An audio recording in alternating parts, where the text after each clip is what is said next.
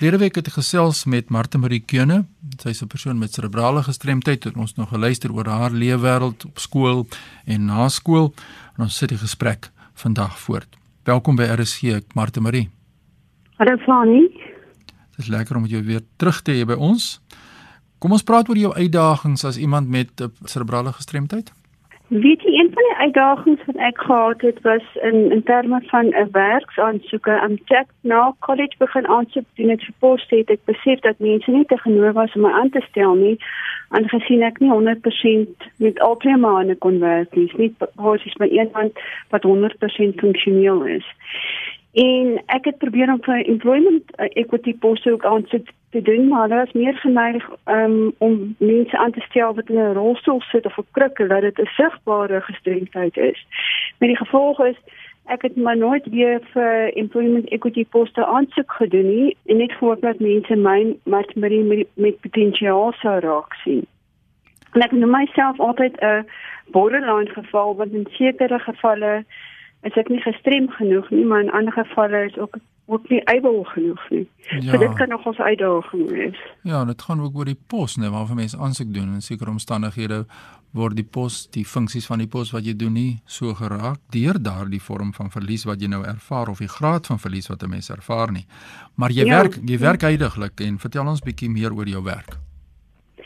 Ja, weet jy, ek werk tans by B Ortman Associates, dis 'n spraakterapeut en audioloog by Parkline Kliniek in New Parkdale, Johannesburg, waar ek tans 'n administratiewe assistent is en ek hanteer ook die ontvangs en vir my is 'n doelwitte in die werksplek ook in oor die algemeen nogals belangrik. Ehm um, dit is definitief vir my belangrik om te verbeter ten opsigte van kliëntdiens en dan natuurlik ook uh, kommunikasie.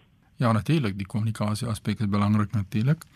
As 'n mens nou kyk na doelwitte wat 'n mens vir homself stel, en dit is natuurlik vir mense met gestremthede of sonder gestremthede, dit maak nie saak nie, maar daai doelwitte, hoekom is dit vir jou so belangrik?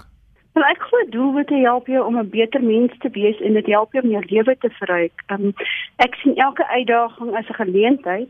Dit gee vir my die ruimte om te groei en dit maak dit vir my moontlik om my doelwitte te bereik. Ek dink jy as 'n mens doelwitgedrewe is, is dit ook bietjie iets wat jou help om te, die uitdagings rondom gestremdheid wat jy het te oorkom.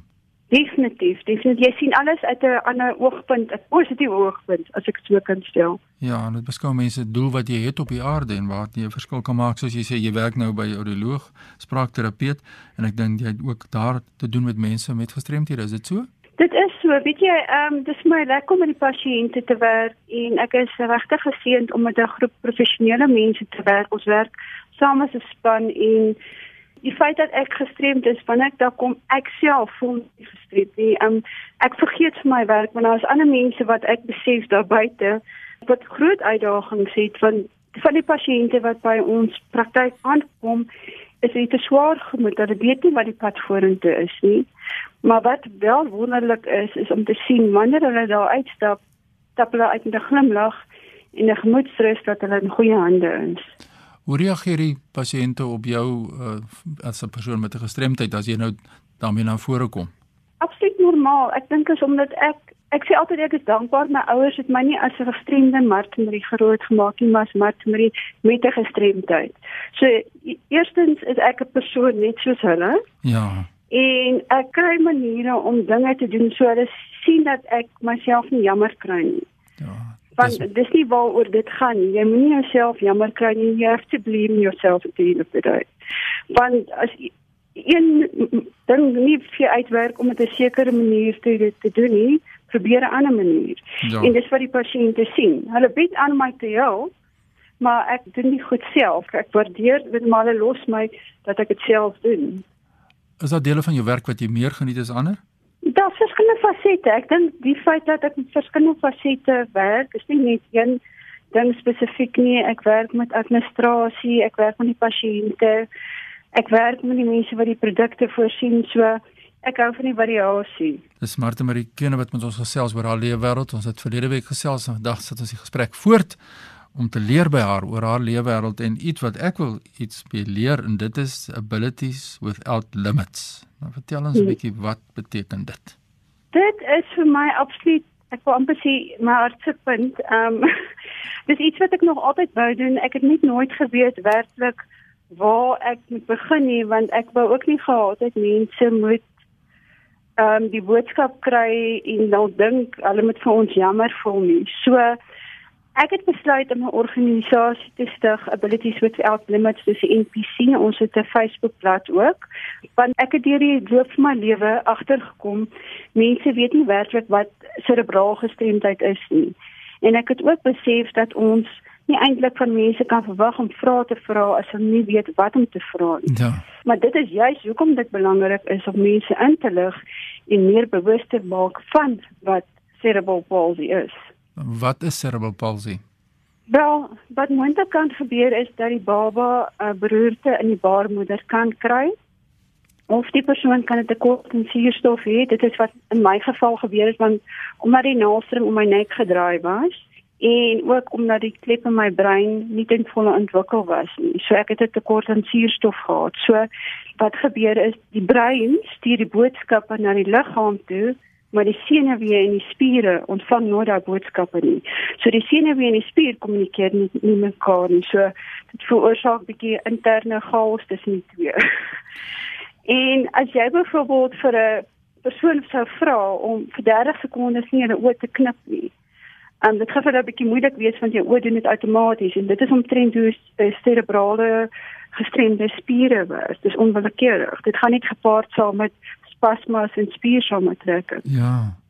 Nou die uitdagings wat jy nou kan sê wat mense ervaar met wie jy nou werk by hierdie projek Abilities Without Limits, wat is die grootste uitdagings?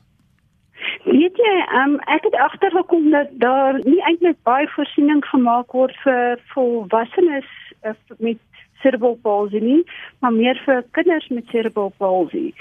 So die kinders met cerebral palsy wat hulle noem 'n multi-disciplinary medical team, maar daar's nie dit vir ons volwassenes nie. En ek voel dis iets waarna gekyk moet word en as daar mense is wat moontlik weet van plekke wat wel multidissiplinêre mediese span vir volwasse cerebral gestremdes het dan sal ek waardeer as hulle wel met ons in kontak kan kom want vir ons as volwassenes is dit 'n uitdaging want cerebraal gestremdheid is 'n gespesialiseerde gebied. Ons kan nie net na enige dokter toe gaan nie. Gelukkig is daar infrastruktuur soos wat jy nou help skep het om mense dan eerstens as 'n persoon met daardie spesifieke verlies en gestremdheid dan terug te kan ploeg en dis my waardevol. Jy's 'n rolmodel vir ons in Suid-Afrika oor hierdie baie belangrike saak. So waar kan mense nou vir julle skakel om meer inligting te kry oor jou projek? Die NGO sowel as om raad te kry want dit waaroor dit eintlik gaan. Ons het 'n Facebook bladsy Abilities Without Limits wat hulle hulle kan op die blad kom om dit te gaan like en dan wat ons ook op die blad het daar is ouers wat stories het wat hulle kan deel oor hulle kinders met cerebraal gestremdheid en dan is daar ook volwassenes wat ook hulle stories deel. En ek voel mense wat wat op die blad aansluit kan waarde uitkry want hulle kan they can relate to what those parents have experienced. Ja. Nou wat is die kontak besonderhede gee vir ons deur as mense nou beskakel met jou wil in verbinding tree? Ons e-posadres is abilities@gmail.com. Herhaal hom net weer abilitieswithoutlimits@gmail.com. Martie Marie, dit was nou lekker om met jou te gesels die afgelope 2 weke. Hierdie opnames van hierdie gesprek is natuurlik beskikbaar op Potgooi. Gaan luister gerus daarna hoe jy die pad geloop het tot by die punt waar jy uitgekom het en besluit het ek werk elke dag, maar ek gaan ook terugploeg in hierdie projek en dit is prysenswaardig. Baie sterkte met hierdie projek van jou en groetens hier van ons by RSG. Baie dankie, Fanie. Ja, Jackie, dit is hoekom ons hierdie platform skep om te kan verneem wat gaan aan buite in die wêreld en wat is die wie is die rolspelers wat so groot verskil maak. Die nie epos aan my wil stuur is fani.dt by mweb.co.za. Groetens uit Kaapstad.